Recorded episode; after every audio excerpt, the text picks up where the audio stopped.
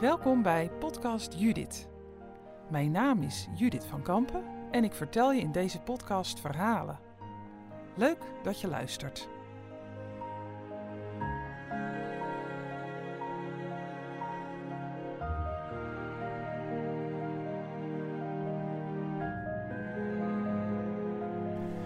Oh, alweer, alweer buikpijn. Verdorie, ik wil dit niet. Ja, zo begon elke maandagochtend. Jaren en jaren geleden stond ik voor de klas als leraar Nederlands en iedere maandagochtend dan had ik buikpijn. En zoals je hoorde, ik wilde dat niet. Ik vocht daartegen. Misschien herken je zelf van die situaties dat je lichaam een bepaald signaal geeft. En het was echt niet zo dat ik uh, iedere zondag een bepaald iets at, waardoor ik op maandag uh, met buikpijn naar de wc moest rennen. Nee, ik, ergens wist ik heus wel um, dat het een of ander signaal was, maar ik wilde er niet aan. Zo hebben mensen buikpijn of hoofdpijn of andere signalen die hun lijf aangeeft. En uh, misschien herken je het wel bij jezelf. Bij mij was het in elk geval dat elke zondagmiddag begon het al. Dan had ik eigenlijk geen lekker weekend meer. Dan begon het bij mij al te rommelen.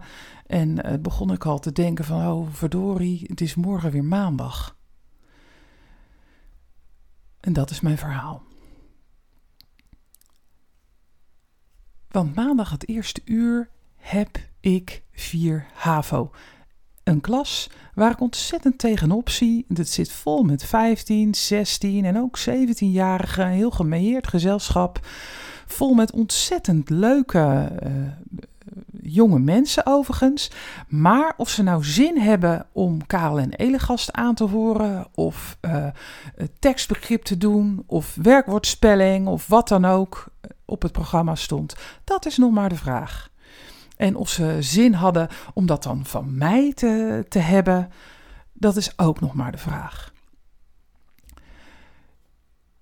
Dus wat kon ik doen? Ik wilde er niet aan, aan die buikpijn. Um, en ik zorgde wel voor dat ik me tot in de puntjes had voorbereid. Uh, ja, alle theorie had ik goed in mijn hoofd gestampt. Ik had een goede PowerPoint gemaakt, zodat iedereen precies wist waar hij aan toe was. En van minuut tot minuut plande ik de boel vol, zodat iedereen gewoon wist wat hij moest doen. En um, ik fiets met buikpijn en al naar school toe. En dan ben ik op school, en dan installeer ik me in dat lokaal. En dan is het op een gegeven moment bijna tijd en denk ik, oh ja, eventjes nog even tot rust komen. Want die spanning had zich helemaal opgebouwd in mijn lijf. Dus uh, ik ga naar een rustig plekje en dat was uh, altijd de wc. En ik ga bovenop die bril zitten en ik doe een ademhalingsoefening.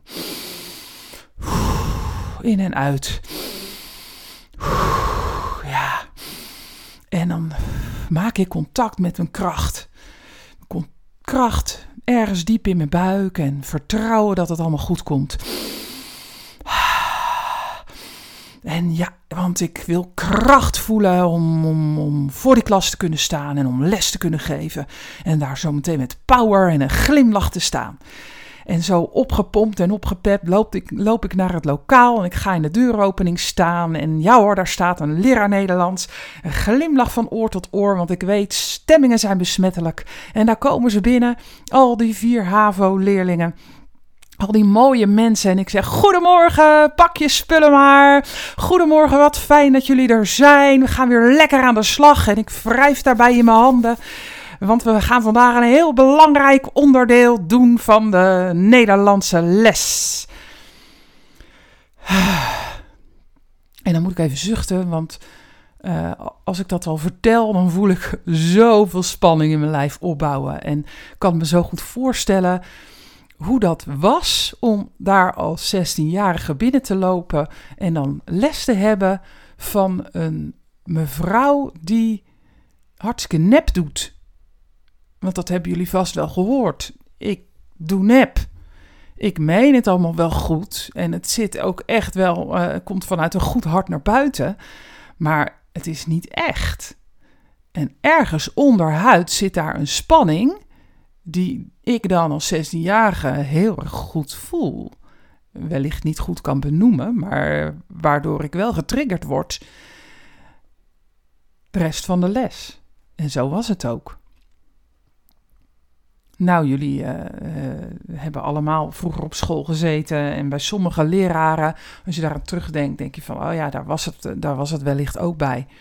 En misschien herken je het zelf, dat je denkt van, oh ja, uh, onderhuids speelt er bij mij een soort spanning die, ik, die ik niet erken op het moment zelf.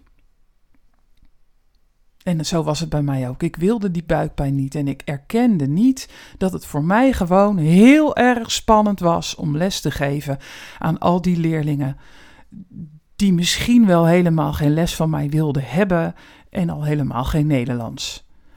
Uh, en misschien zag ik dat ook wel verkeerd. Misschien waren het hele welwillende mensen, maar zat die gedachte in mijn hoofd van ze willen eigenlijk geen les van mij. In elk geval gaf dat zoveel spanning en ik was doodsbang.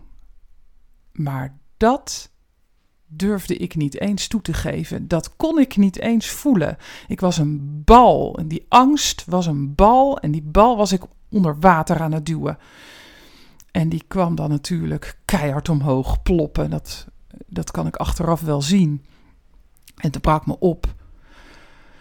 Ja, want uh, achteraf gezien, pas toen ik die buikpijn kon aankijken,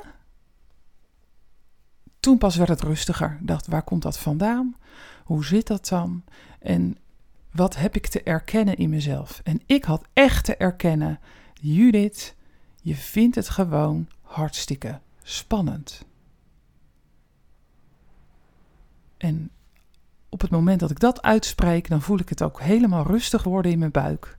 En uh, zo, uh, zo was dat ook. Uh, ik heb daar hulp bij, bij gekregen, overigens. Want je moet iets wel zelf doen, maar je hoeft het niet alleen te doen.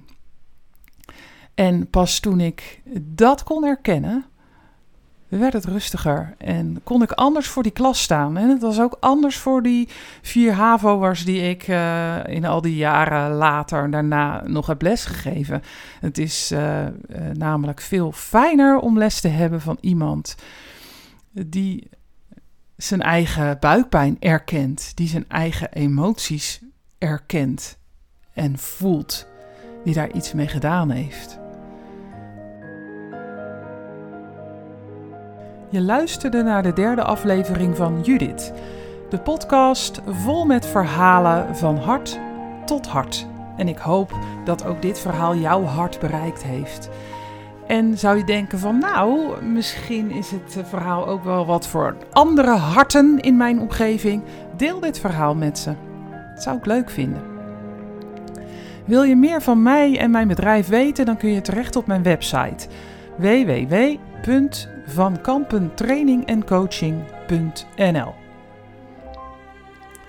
Dit was het en ik zou zeggen tot volgende week, tot het volgende verhaal.